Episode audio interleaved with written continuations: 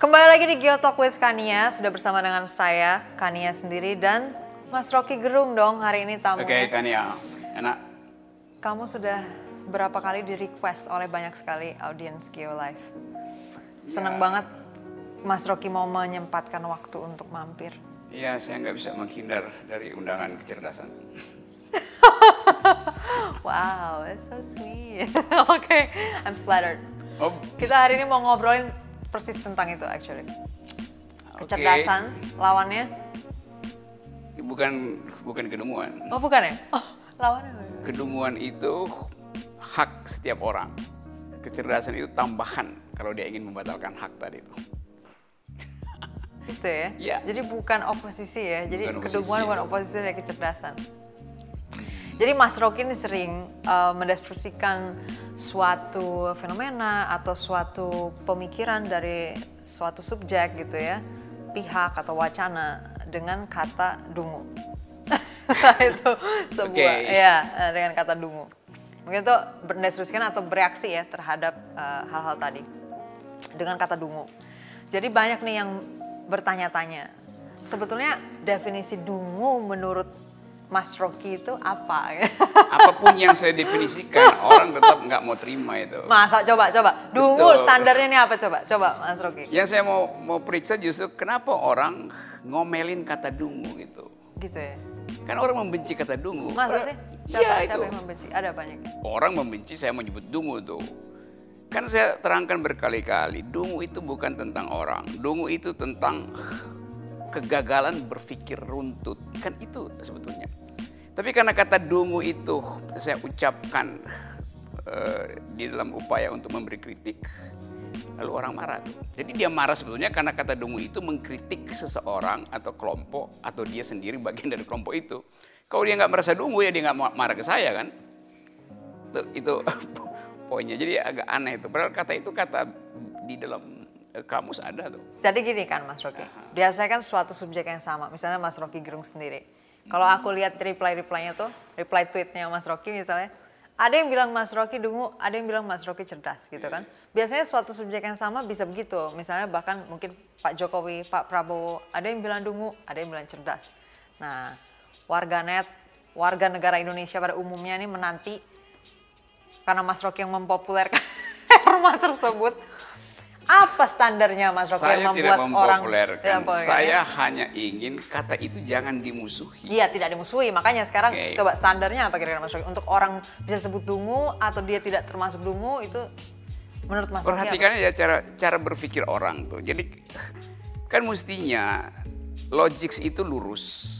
Kalau dia dihalangi oleh culture, maka dia tidak lagi diperlukan sebagai alat untuk menghasilkan percakapan. Orang pindah pada eh, moral, orang pindah pada tradisi, pada habit segala macam.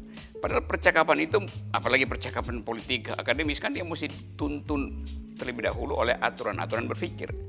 Jadi orang yang melanggar aturan berpikir itulah dungu. Dia melanggar aturan berpikir gitu. Itu poin saya yang biasa disebut logical fallacies itu segala segala macam itu. Nah itu eh, alasan saya kenapa saya mendungu-dungukan cara berpikir bukan mendungukan orang loh. Nggak nggak nggak begitu dari awal. Jadi dungu ini nggak menempel pada orang ya, nggak menempel Tidak. pada Jokowi, nggak menempel pada Pak Prabowo gitu ya, Tidak nggak menempel menempel, pada nama-nama orang nggak ini, nggak menempel pada subjek-subjek ini, pada orang tapi saya. dia merupakan sebuah kesalahan cara berpikir ya, metode Yep. berpikir ya, Mas I- Rocky. itu aja.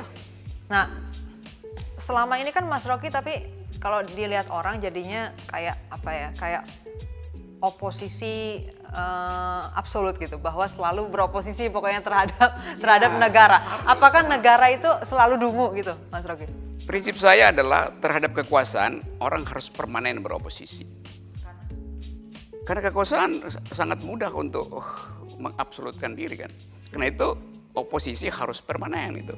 Jadi kalaupun kekuasaan itu misalnya bertindak eh, sesuai dengan tadi kaidah-kaidah berpikir yang benar dalam artian tidak berlaku dungu, juga harus ada oposisinya. Jelas supaya uh, negativity is essential to thinking gitu.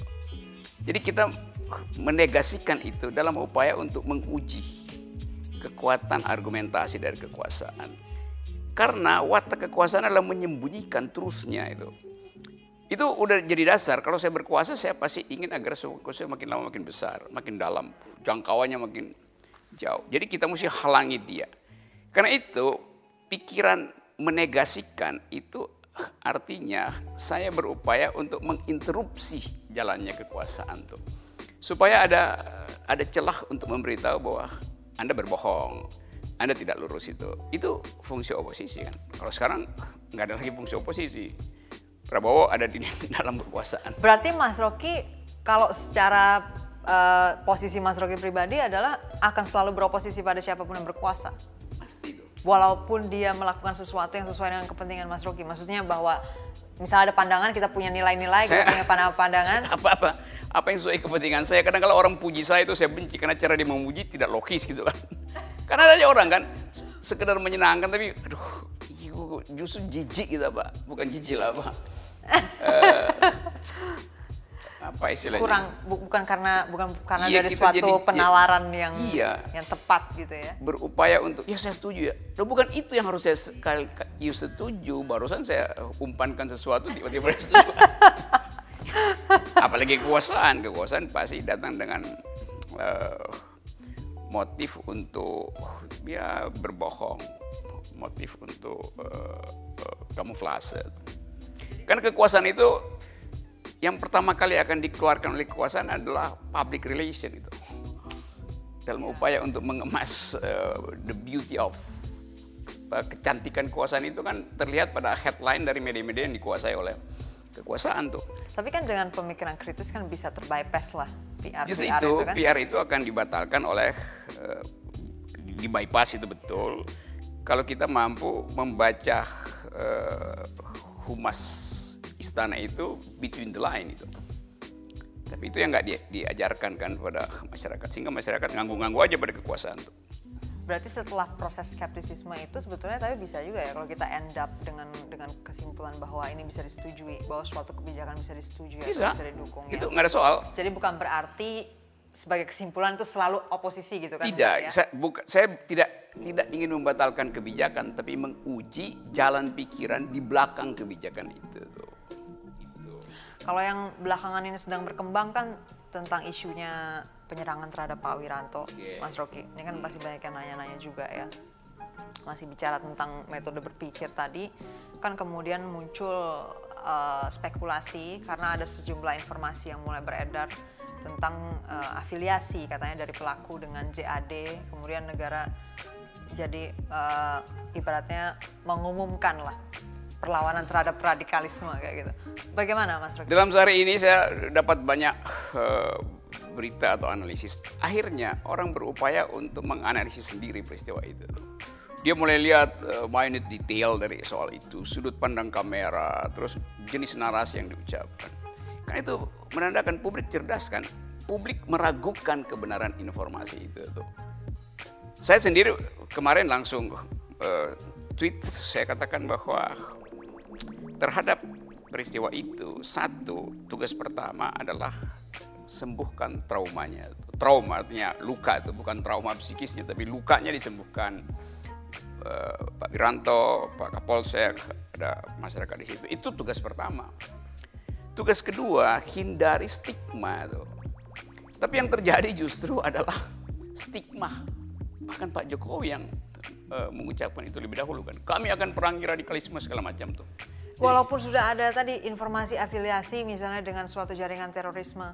Yang berhak untuk menentukan afiliasi itu pengadilan. Oh, jadi harus melewati harus suatu proses, proses investigasi itu. yang lengkap ya. ya. Baru bisa ada kesimpulan bahwa ya, dia karena afiliasi. Kalau nggak begitu kan orang orang kan setiap kali uh, pemerintah bilang due proses uh, apa namanya itu uh, presumption of innocent, praduga tak bersalah. Lo ini presiden menduga salah, yaitu dengan menghubungkan pelakunya dengan ISIS, ya, jihadis segala macam. Harusnya itu diselesaikan dulu dengan proses iya, yang... Ya, mestinya presiden datang dan bicara, saya presiden Republik Indonesia, peristiwa itu adalah peristiwa kekerasan. Kita akan ungkap itu. Full stop, cukup kan? Ini, karena itu mari saya undang untuk menghajar radikalisme, sama-sama memerangi radikalisme siapa itu radikal di dalam pas event itu adalah Islam dan itu uh, buruk. Nah, kenapa akhirnya rakyat nggak percaya sehingga bikin riset sendiri kan? Karena setiap hari Kamis di depan istana dibawa tudung payung hitam. Udah 500 lebih kali masyarakat sipil berdiri di sore hari minta bertemu Jokowi tentang kasus-kasus kekerasan di masa lalu, terutama Munir segala macam itu, dan nggak dilayani istana.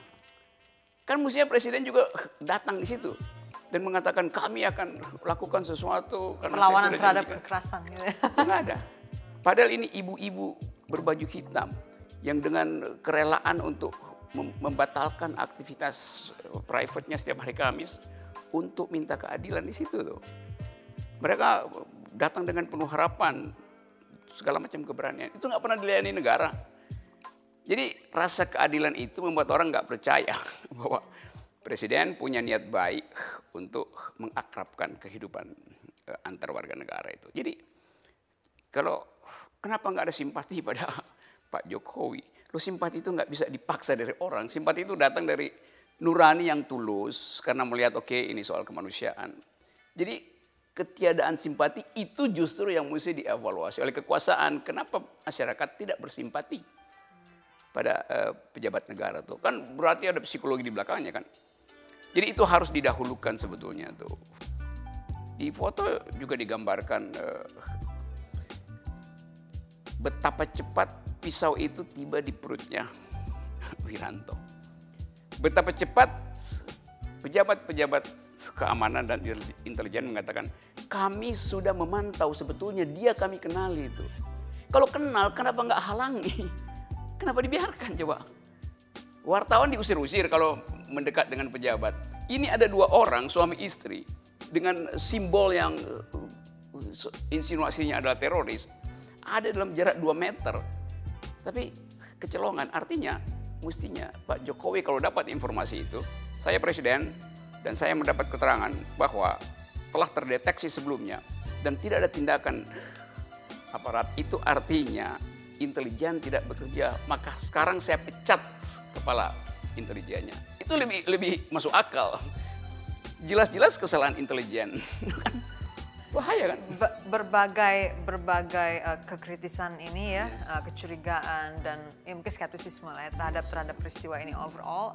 Uh, tentunya akan harusnya menjadi pertimbangan juga dalam proses penyelidikan ya. Jadi Pasti. maksudnya itu uh, harus diselesaikan dulu berarti berbagai macam kejanggalan yang sudah diangkat oleh ya. banyak pihak itu dan, harus terjawab dalam Iya, dan ini jadi jadi panjang karena akhirnya mesti riset psikologi publik akhirnya kan.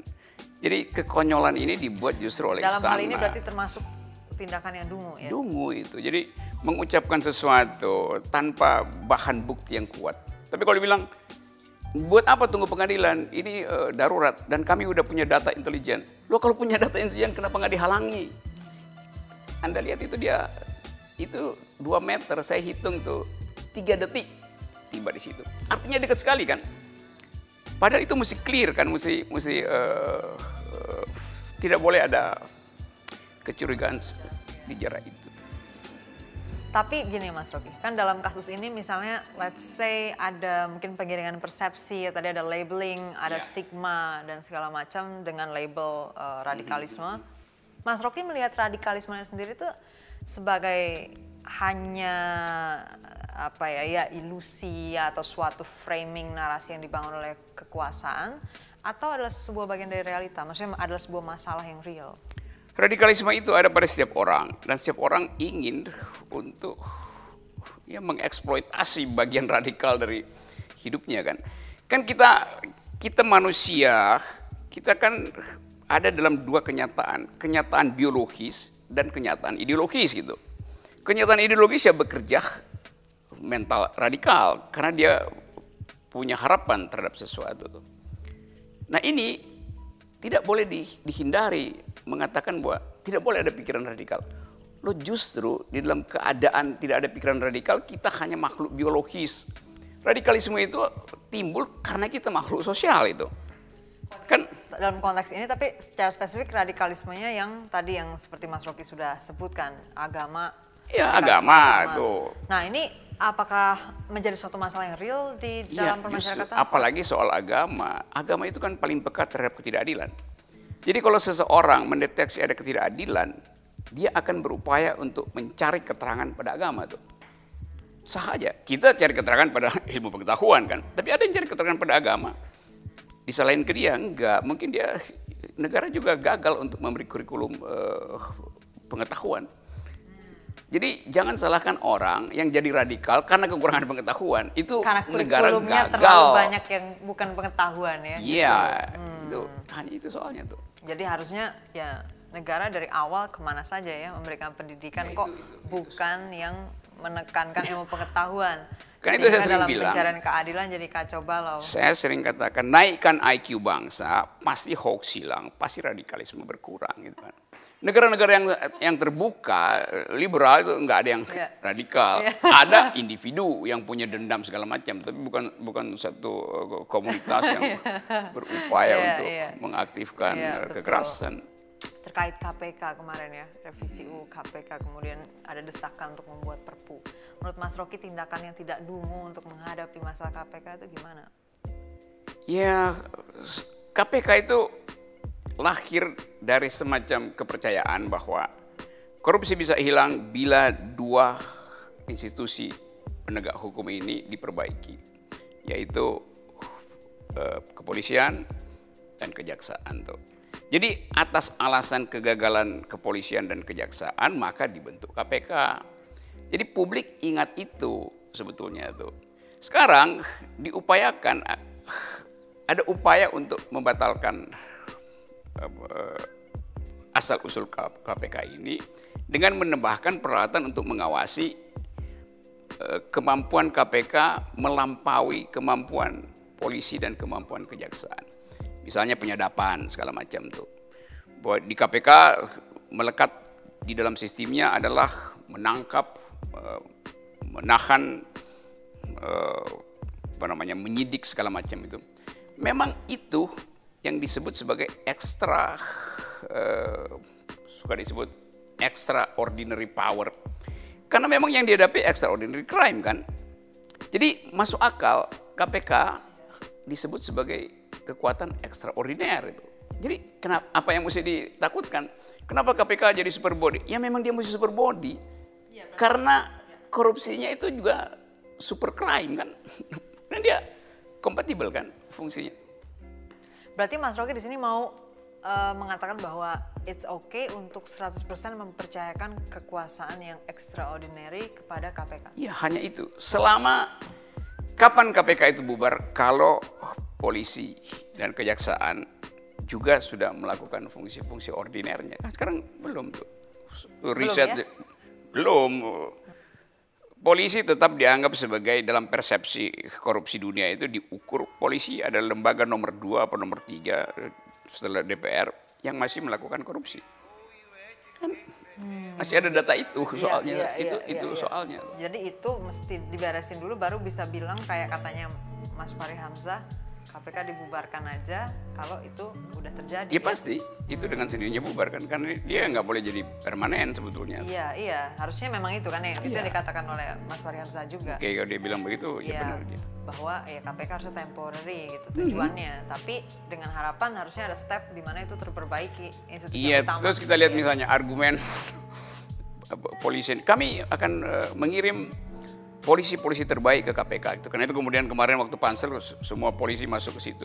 Loh kalau polisinya bagus, biarkan dia membenahi kepolisian justru tuh. Ngapain dikirim ke KPK? Yes. Yes, tuh. Hmm, Dan yang paling parah adalah pengawasan itu bahwa KPK akan diawasi oleh satu lembaga yang isinya diangkat oleh presiden. Nah itu orang juga akhirnya curiga kan.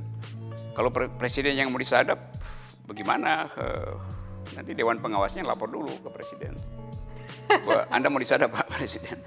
Jadi Loh, tapi lalu- soal ini Mas Rogi kan ada ada argumen legal formal juga bahwa Hmm. ada putusan MK yang menetapkan KPK berada di bawah lembaga eksekutif sehingga di bawah institusi presiden presiden sebagai institusi Iya, ya, boleh aja, itu soal administrasi kan. Iya. Tapi- nah itu bagaimana maksud harusnya Mas Rogi merasa exercise-nya harus bagaimana? Iya orang suka salah orang bilang eh, apa namanya KPK itu harus independen memang kan. Jadi KPK itu independen terhadap kejaksaan dan kepolisian. Itu. Nah, apa itu kedudukan independen itu? Dia independen sebagai peralatan presiden untuk memberantas korupsi itu. Jadi KPK ini dari awal adalah peralatan presiden. Bahkan dulu waktu awal-awal debat soal pembentukan KPK saya termasuk yang menganggap KPK itu komisionernya itu ditunjuk aja oleh presiden itu. Jadi nggak repot-repot lagi masuk ke DPR, dipilih terus tukar tambah. Tapi itu dengan asumsi presidennya belum defisit moral gitu kira-kira tuh. Kalau sekarang udah susah. Jadi pada Karena awal presidennya defisit moral. Iya, defisit moral karena legitimasinya orang nggak percaya lagi tuh kan. Dari soal siapa yang mesti jadi eh, ketua KPK itu terlihat Tapi betul. kan itu dipilih DPR kalau yang itu Komisi 3 kan? Iya, itu pilih. teknisnya begitu. Tapi sinyal sinyalnya diberikan oleh presiden. Saya kira-kira mau yang ini ya. Masa itu kan nggak mungkin disebutkan kepada publik kan. Iya, terus gimana Ujungnya- caranya tahu dong kalau nggak di kalau informasinya tidak bisa diakses, kita tahunya dari mana Mas? Bisa nanti itu? 10 tahun lagi dibuka Oh, dokumen. 10 tahun lagi dibuka. Tapi Ini faktanya- post truth, post truth dong. Ya ini pasti. Tapi faktanya kan Iya, iya. akhirnya presiden ingin agar supaya ada dewan pengawas kan yang dia angkat. Kenapa dia nggak bilang saya nggak mau ada dewan pengawas yang saya angkat? Diangkat oleh siapa? Diangkat oleh eh, universitas misalnya tuh. Pers yang tentukan siapa dewan pengawas. Kan bijaknya mestinya begitu. Katanya em, aku sempat dengar penjelasan katanya terkait dengan UKPK katanya sudah diatur eh, persyaratan maksudnya eh, indikator untuk siapa-siapa aja yang bisa menjadi Iya, tapi Itu tidak cukup. tidak cukup karena tetap itu Jadi jadi Mas Rocky di sini menganggap bahwa KPK itu harusnya udah dikasih benar-benar total superpower aja untuk Yes. melakukan itu ya. Karena dia akan diamati oleh publik kan, pers akan amati. Kan KPK setiap hari ada ada konferensi pers, apa yang mesti disembunyikan di KPK?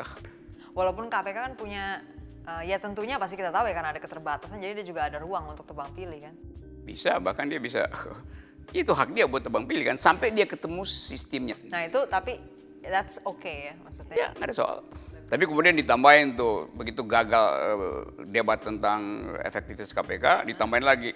Tapi kan di, di dalam KPK ada yang disebut kelompok Taliban. Apa urusannya dengan kelompok Taliban itu nggak usah dimasuk-masukin. Ya itu itu memang. Ya, karena itu akhirnya jadi kacau kan, iya, segala iya, macam maksudnya dituduh narasinya jadi melebar macam-macam ke mana-mana. itu. Iya.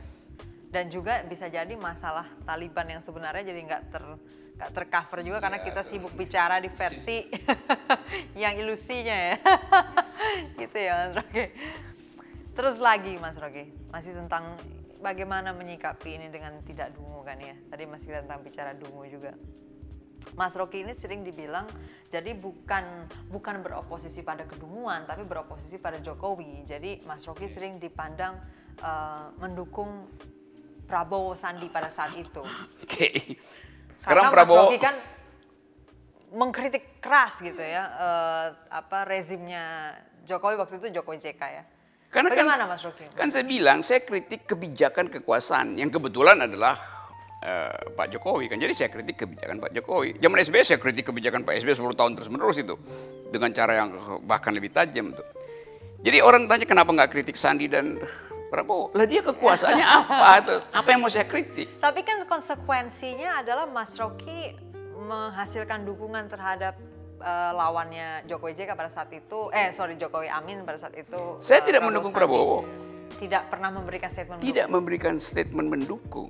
Satu kali pun tidak. mendukung. Jadi ketika klarifikasi ya supaya supaya jelas, ketika Mas Rocky eh, mengkritik eh, rezimnya Jokowi JK atau dalam hal ini karena yang maju pada itu Pak Jokowi lah ya, ya rezimnya Jokowi lah ya, eh, sebagai rezim yang penuh dengan tindakan-tindakan yang dungu, berarti itu bukan berarti alternatifnya yaitu pasangan Prabowo Sandi itu tidak sama dungunya dengan dengan Pasti bukan, berkuasa. karena saya justru menentang hanya dua pasangan. Saya pergi ke Mahkamah Konstitusi minta untuk membatalkan dua pasangan eh, calon yang cuma dua pasangan. membatalkan dengan cara ini thresholdnya mas Iya. yang dihapus. Supaya saya ingin lebih dari itu mestinya tuh. Jadi dari awal saya memang nggak mendukung dua-duanya. Wong saya mau ada jalan ketiga kok. Bukan sekedar dua pasangan ini. Jadi alternatifnya itu di awal tuh bahwa Prabowo Sandi bukan penawar kedunguan dari Sama sekali bukan. Jokowi. tuh. sama sekali enggak tuh. Nah belakangan kemudian orang menganggap karena saya terus-menerus berceramah di, di, di kalangan oposisi ini lalu dianggap saya pro oposisi. Saya terangkan bahwa saya beroposisi dengan kekuasaan, Prabowo beroposisi dengan kekuasaan. Motif Prabowo adalah untuk membatalkan kekuasaan kan, supaya dia bisa peroleh kekuasaan. Motif saya adalah untuk membatalkan kedunguan, supaya ada kecerdasan lain. Karena nggak mungkin saya beroposisi untuk dapat kekuasaan. Saya nggak punya partai. Apa urusan saya? Sama aja kan. Tapi kan tadi Mas Rocky, ini kan kalau ini kan Mas Rocky bicara intention dong, iya kan? Tapi kan yang muncul di, yang termanifestasi pada ujungnya adalah action. Iya karena framingnya begitu. Kolektif actionnya kalau Mas Rocky opposing uh, rezimnya Jokowi JK adalah menguntungkan alternatifnya dong, ya enggak? Itu, kan. itu adalah konsekuensi yang nggak bisa terhindarkan, walaupun iya, memang berbeda. Itu, ya itu, itu konsekuensi uh. dari orang yang uh, menganggap dari awal saya punya intensi untuk memihak Prabowo. Kalau orang lihat peristiwa-peristiwa sebelum dua calon itu ditetapkan, saya tidak memihak dua-duanya. Saya ingin ada pihak, ada jalan ketiga. Ada lebih banyak calon tuh. Jadi mestinya mereka batalkan itu. Jadi antara dua itu tidak ada pilihan yang less dungu ya? ya memang itu. Pada waktu itu. Atau belum pada standar tidak dungu dalam dalam standarnya. Iya, jadi saya beroposisi, Prabowo beroposisi, lalu dianggap saya dukung Prabowo. Memang kita sama-sama beroposisi, motif Prabowo kekuasaan, motif saya adalah membatalkan kedunguan. Jadi kayak kayak orang demo ya, misalnya 212 atau demo mm -hmm. yang kemarin ya kan, kan pasti itu banyak elemen beda-beda intention ya. Yeah, tapi, sama-sama muncul yes. di sana gitu ya. Nah, sekarang misalnya pembuktiannya aja, saya masih beroposisi, Prabowo pindah posisi kekuasaan. Lalu orang bilang, Anda ikut ke istana, ya? Anda pasti ikut ke istana. Enggak mungkin saya ikut ke istana.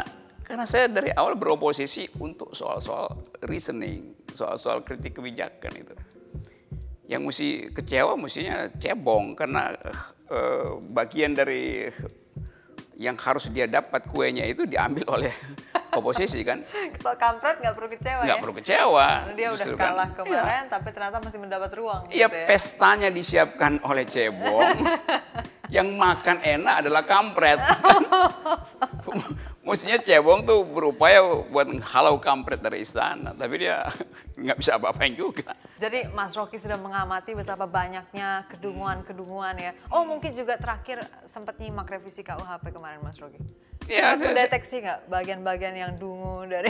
Banyak bagian-bagian. Contoh? Contohnya misalnya uh, yang paling sensasional hak orang dewasa untuk uh, bersetubuh itu yang kemudian dinyatakan bahwa pers apa formulasinya itu barang siapa bersetubuh dengan yang bukan pasangannya dan jelas yang dimasukkan adalah perkawinan tidak dalam perkawinan yang sah itu kena pidana itu.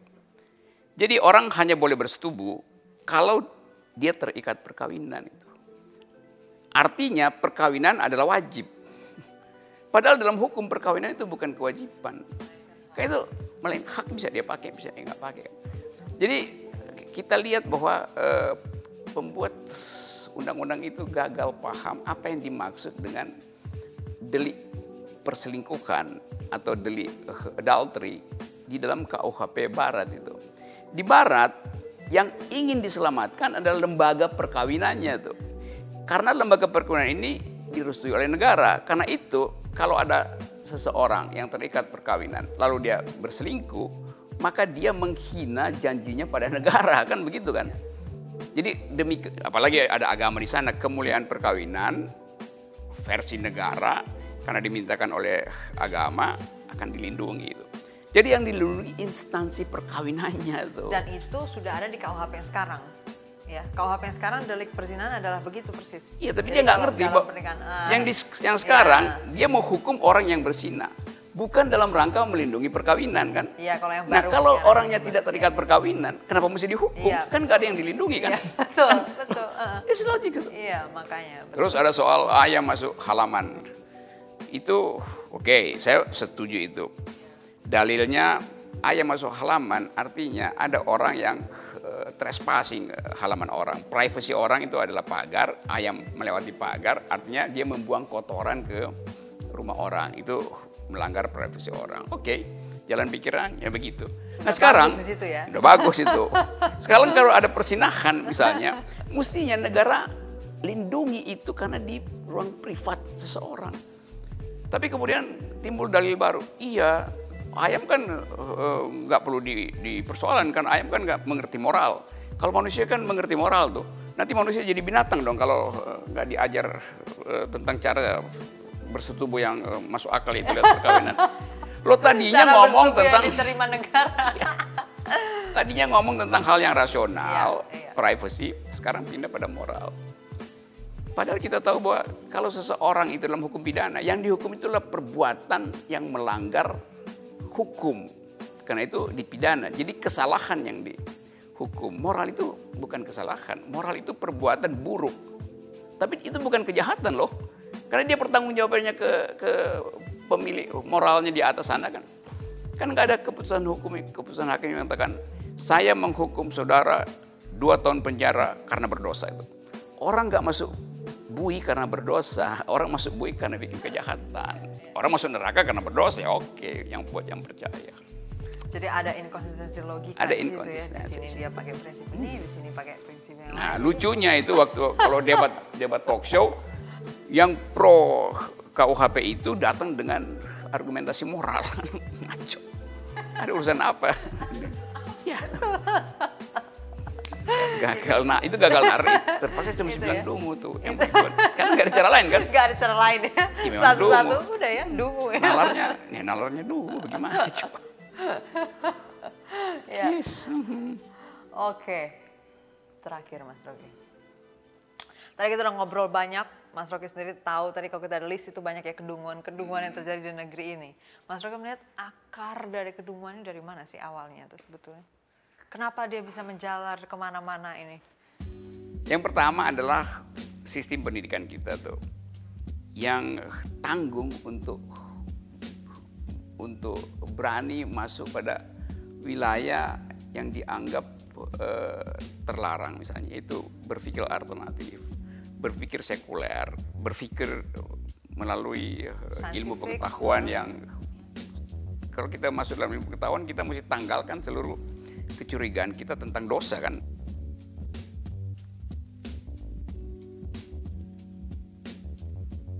sebetulnya dari awal tuh. Jadi kita nggak ada di situ tuh. Jadi mental kita itu eh, diganggu oleh dua variabel tuh, variabel akhirat dan variabel eh, feodalisme itu.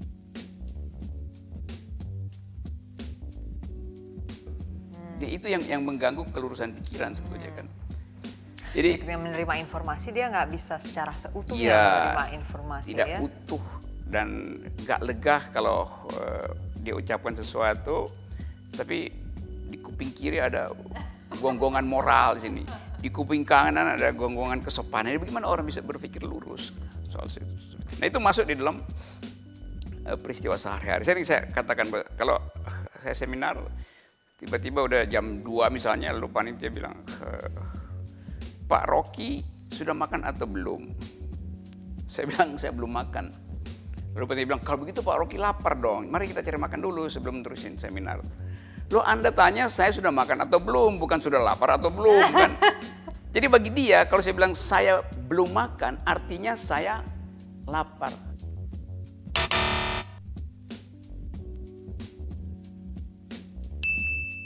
Tapi dia rumuskan lapar Iya, karena sopan iya. santun itu kan. Nah sopan santun itu kan berbahaya buat kelurusan pikiran. Kelurusan pikiran ya. Hmm. Nah kita masuk dalam keadaan semacam itu tuh. Nah tanpa kritisisme rejim ini akan dikuasai oleh Orwellian politics gitu. Di mana-mana uh, ditakut-takutin segala macam. Nah, ini ini yang terjadi kan. Jadi ada kepanikan publik dalam eh, soal-soal isu-isu mendasar. Padahal sebetulnya sebagai manusia ya oke kita share kemanusiaan aja kan. Tetapi ini juga bahayanya dalam culture yang separuh-separuh ini saya sebagai culture mediocre di mana-mana itu tuh. Separuh apa separuh apa tuh Mas? Ya separuh separuh mau ilmiah tapi separuh juga mau masuk surga gitu kan. Jadi, jadi dianggap kalau ilmiah tuh pasti masuk neraka tuh Oh kan. iya, iya, iya. Kan itu eh, sinyalnya tuh. Iya, iya, iya. Separuh mediocre ini ya. Dia jadi jadi jadi mediocre kan tanggung gitu loh.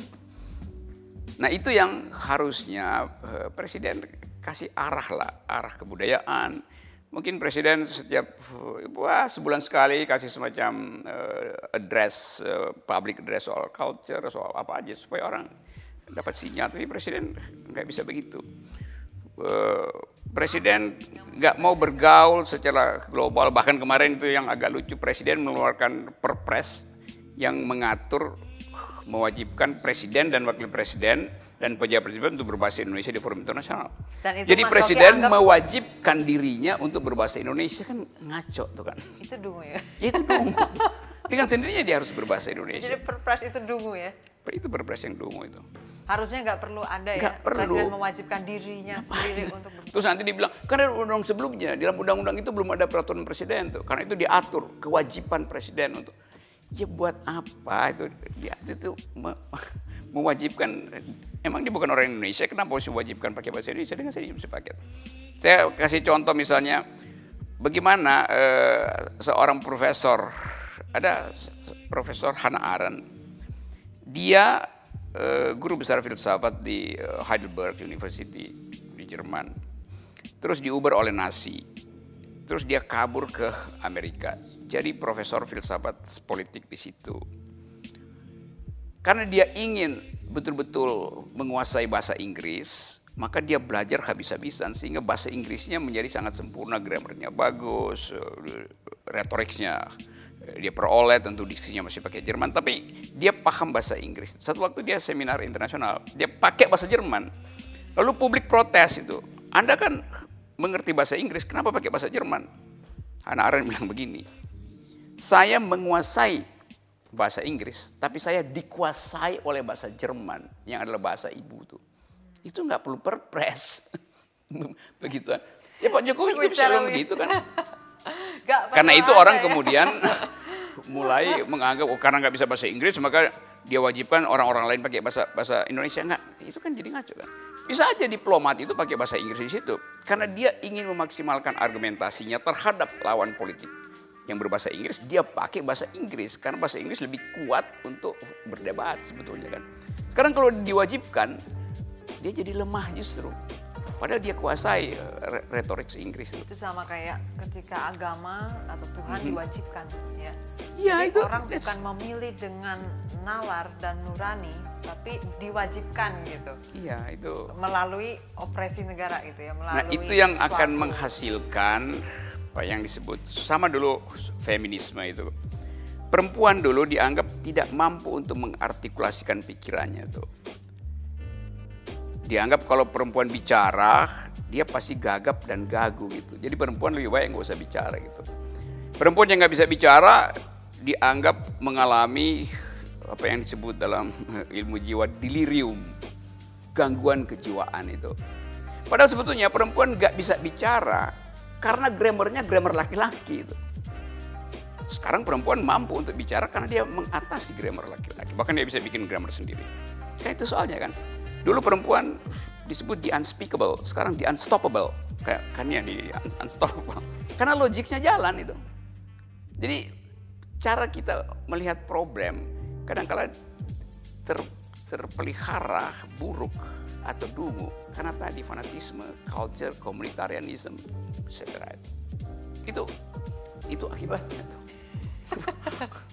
akhirnya menjelma juga lagi sekarang dalam perpres tadi ya, bahasa Indonesia itu. Iya, itu. Salah satu bentuknya. Ini sekarang nanti orang bayangkan misalnya nanti eh, ada perpres baru yaitu kursus bahasa Indonesia buat pejabat negara kan. Dengan tadi akar-akar kedunguan itu berarti Mas Rocky melihat kalau mau memberikan penawar terhadap kedunguan harus mulai dari pendidikan tadi ya. Ya yang itu berbasis mesti ada ada metode niat. berpikir yang benar Iya. ya. Mesti ada niat dan eh, action yang agak nekat untuk mengubah kurikulum kita. Ajarin mahasiswa lebih baik ajarin mahasiswa logika daripada ajarin agama. Karena mahasiswa itu bisa belajar agama sendiri tuh. Dan buat apa tuh? Bahasa Inggris disuruh kursus saja. Kalau udah masuk oh, universitas pasti harusnya udah bisa bahasa Inggris itu Ya bahasa Inggris kan sekarang diwajibkan. Misalnya pendidikan dasar itu harusnya Ya, itu. Yang diutamakan dalam pendidikan dasar tuh metode berpikir ya. Mas Betul itu. Dengan logika Yes, tadi yang ya. disebut sebagai liberal arts itu kan ada logic, ada uh, matematika, ada uh, kesenian, ada uh, gimnastik segala macam kan. Sehingga kalau kan keadaan sekarang misalnya mahasiswa teknik nggak bisa ngomong dengan mahasiswa sosial, mahasiswa ekonomi nggak bisa ngomong dengan mahasiswa hukum itu, karena nggak ada uh, bowl yang iya buat sama-sama di situ. Yang mestinya liberal arts diajarin pada semua mahasiswa, sehingga filsafat diajarin dari awal. Kalau kita lihat misalnya fakultas hukum, fakultas hukum itu filsafat diajarin di ujung setelah dia udah mau selesai dan satu semester doang. Padahal untuk debat hukum orang logikanya mesti bagus, konsepnya mesti kuat. Sekarang kalau lawyer kita debat dengan lawyer asing, oh itu langsung tiarap. Akibatnya apa? Lawyer kita itu jagonya transaksi di bawah meja gitu. Jadi diselesaikan dulu kesimpulannya, baru maju ke pengadilan itu. Jadi bukan Nggak hasil dari berdebat. Kita nggak lihat kenikmatan yang bagus ya. kenikmatan lawyer kita berdebat kan. Yang ada adalah suara keras. Dipikir kalau suara keras muncul logikanya ya, ya. Suara keras itu. Iya, kemarin sempat muncul di TV kayaknya yang berdebat dengan suara keras Ya itu, tapi dianggap, argumennya ya itu, dia anggap kalau kalau eh, lingkar kepalanya gede, otaknya juga gede, enggak, itu sering terbalik itu orang, nggak ada urusan. Ling- lingkar lingkar otak tidak diukur dengan eh, besarnya lingkar tempurung kepala tuh. Oke Mas Rocky, terima Oke. kasih banyak Oke, Kania. waktunya sudah mau berbincang dengan tadi kayak cukup lama ya. Iya, ma- macam-macam soal. Oke, thank you buat yang udah nonton semuanya. Semoga dapat ya banyak poin-poin yang penting tadi tentang apa sih sebetulnya dungu itu dan bagaimana supaya nggak dungu lagi. Kalau bisa satu bangsa Indonesia nggak ada lagi kedunguan ya. Tadi udah dikasih tipsnya dari Mas Rocky. Kalau Ya mestinya pres eh, diumumkan bahwa ini kabinet anti dungu gitu. Jadi Iya. ada proyek bersama buat tapi, tapi memberantas Mas kedunguan. Rocky kalau misalnya di diminta sama negara untuk coba Rocky Gerung kontribusi untuk menghapus kedunguan bantu ngajar logika Iya, saya ingin eh, Anak-anak saya SD, nggak anak-anak saya SMP? ingin saya nggak ingin jadi menteri. Saya diberi hak untuk mendirikan departemen baru justru itu. Apa tuh? Ya depart- departemen pemberantasan kedunguan kan lebih ga- lebih gampang. Jadi kalau sekarang ada kan ada yang khusus pemberantasan eh, apa namanya terorisme ya, BNPT gitu ya. Mas Rocky mau bikin yang ini ya. Iya, badan pemberantasan kedunguan. ya badan pengendalian paling nggak pengendalian kedunguan kalau belum bisa diberantas. Oke, Oke. don't forget to subscribe. Jangan lupa juga like, komen apa pendapat Anda semua terhadap obrolan kita hari ini.